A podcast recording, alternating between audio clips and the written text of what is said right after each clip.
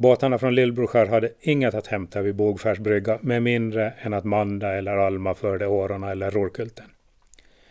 Karl syntes bara passera på gott avstånd från land medan kvinnosamvaron artade sig väl mellan öarna. Det ifrågasatte aldrig sin linje att hålla den tafsande mannen i kort koppel. Men linjen eroderades på något sätt i verklighetens vindar. När det hängde en nyskjuten svärta på farstuväggen en vårmorgon så ville inte Ida missunna flickorna så läcker spis, trots att hon förstås insåg att grannen därmed hade överträtt sitt landstigningsförbud. Och sen förföts linjen i så små steg att det egentligen inte kunde skönjas. Färsk strömming eller en grann och gul gädda ville hon inte heller rata och ifall det sen hände sig att hon fick se en skymt av leverantören så behövde det väl inte utlysa någon panik eller skottlossning. Så kom det ändå småningom att växla ett eller annat ord till hälsning. Hon kanske kom att nämna att bruket hade spruckit på spismuren och sen fanns väl inte så mycket att invända mot att Friman vid nästa besök förde med sig murslev och lära. En torr kaffe hörde det ju sen till att bjuda en hantverkare och ifall arbetet drog ut på tiden så vankades förstås middag också. Flickorna gladdes när farbror Kalle med sina verktyg och konster åter började liva upp deras något enahanda samvaro. Och Ida ville inte grumla deras glädje genom tigande eller bitterhet under måltiderna. Det gamla förhållningssättet och gemytet kring mannen från grannen smög sig tillbaka så omärkligt och stilla att man kan säga att processen aldrig sköndes. Vid något tillfälle tycktes den bara genomförd, som om där aldrig hade förekommit något mellanspel med hårdare attityder. Processen underlättades av att flickorna knappast egentligen hade haft något klander att anföra mot farbror Kalle och Ida hade väl bara under sin mest pockande ilska förmått isa den värme som brukar omsluta henne så fort mannen från grannön landsteg.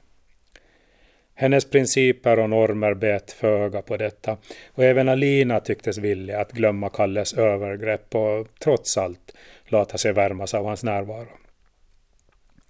Att helt utestänga Karl från Bogfär hade varit lite som att eh, låta spiselden slockna vintertid.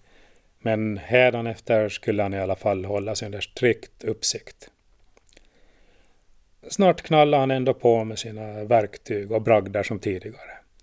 Skötte öns karsysslor, stoja och vila med gårdsfolket och renovera sin ställning som om den aldrig egentligen hade varit riktigt illa skamfilad.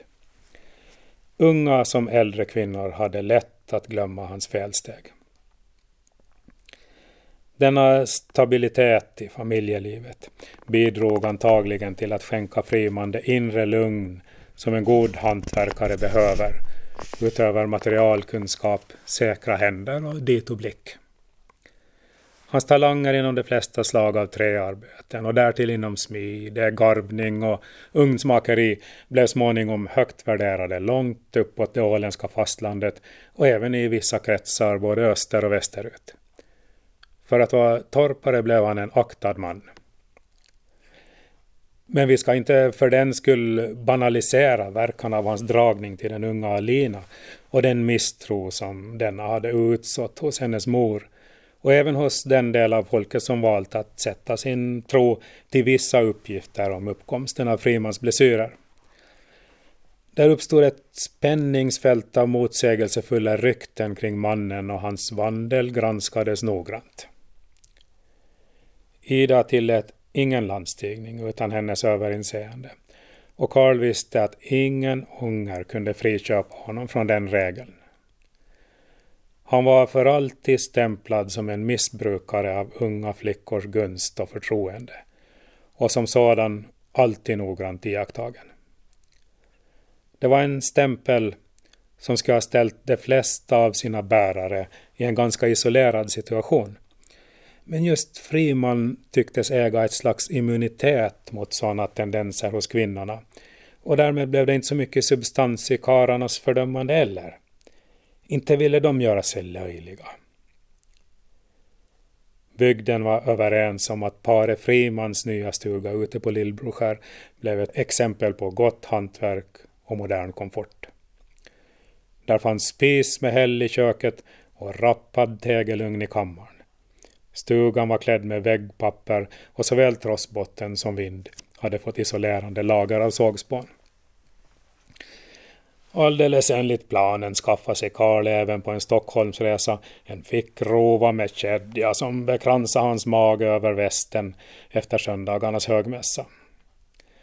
Allt sånt kostade. Men hans snickarfärdigheter hade också blivit allt mer efterfrågade och oljelampan lyste ofta sent om kvällen i hans snickarbord. Likaledes syntes hans båtar ofta korsa fjärdar och hav med verktygen ombord på väg till avlägsna arbetsplatser.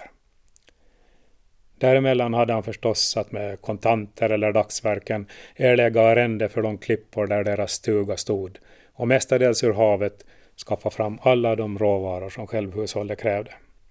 Tack vare Mandas synnerliga kompetens i alla sysslor hemma vid kunde Karl lägga sin kraft på de jobb som drog in ett visst välstånd till det lilla torpstället. Han befann sig ofta på resande fot och i hemtrakten hade han nu åter två torpställens sysslor att bestyra. När nu allting tycktes återgå till ett slags harmoni mellan öarna som delar på en torpare föll tillvaron in i den trygga lunk som inte ändrats särskilt mycket sedan man i tiden hade bytt ut de lokala gudarna mot den orientaliska och byggt honom en stenkyrka invid Dalkarbyträsk. Småflickorna växte och Alina läste för prästen och klarade sig med glans. Hon hade vuxit upp till en ung skönhet, var uppskattad bland andra ungdomar och föreföll inte ha lagt sig för mycket till sinnes av Frimans övergrepp. Hon tycktes ha lätt att umgås otvunget med unga män, men Ida hade heller inga problem att få henne att hålla dem kort, komma hem i tid och enbart umgås med dem i gott sällskap av andra ungdomar. Möjligen hade Alina lite lättare än andra att förstå de risker Ida ville skydda henne ifrån. Och ifall detta var resultat av de erfarenheter hon tvingas få allt för tidigt så hade där ändå kommit något gott ur elände. Hon ägde ett gott förstånd för sina år och föreföll mycket säker på sitt egenvärde. Hon behövde inte tumma på kloka regler för en ung flicka för att förmå pojkarna att visa henne sin uppskattning. De insåg att endast god vandel och tålamod på sikt kunde föra dem närmare den unga kvinnan från utfären som de så ofta talade och dagdrömde om. Hon föll inte för ytligt prål och poserande.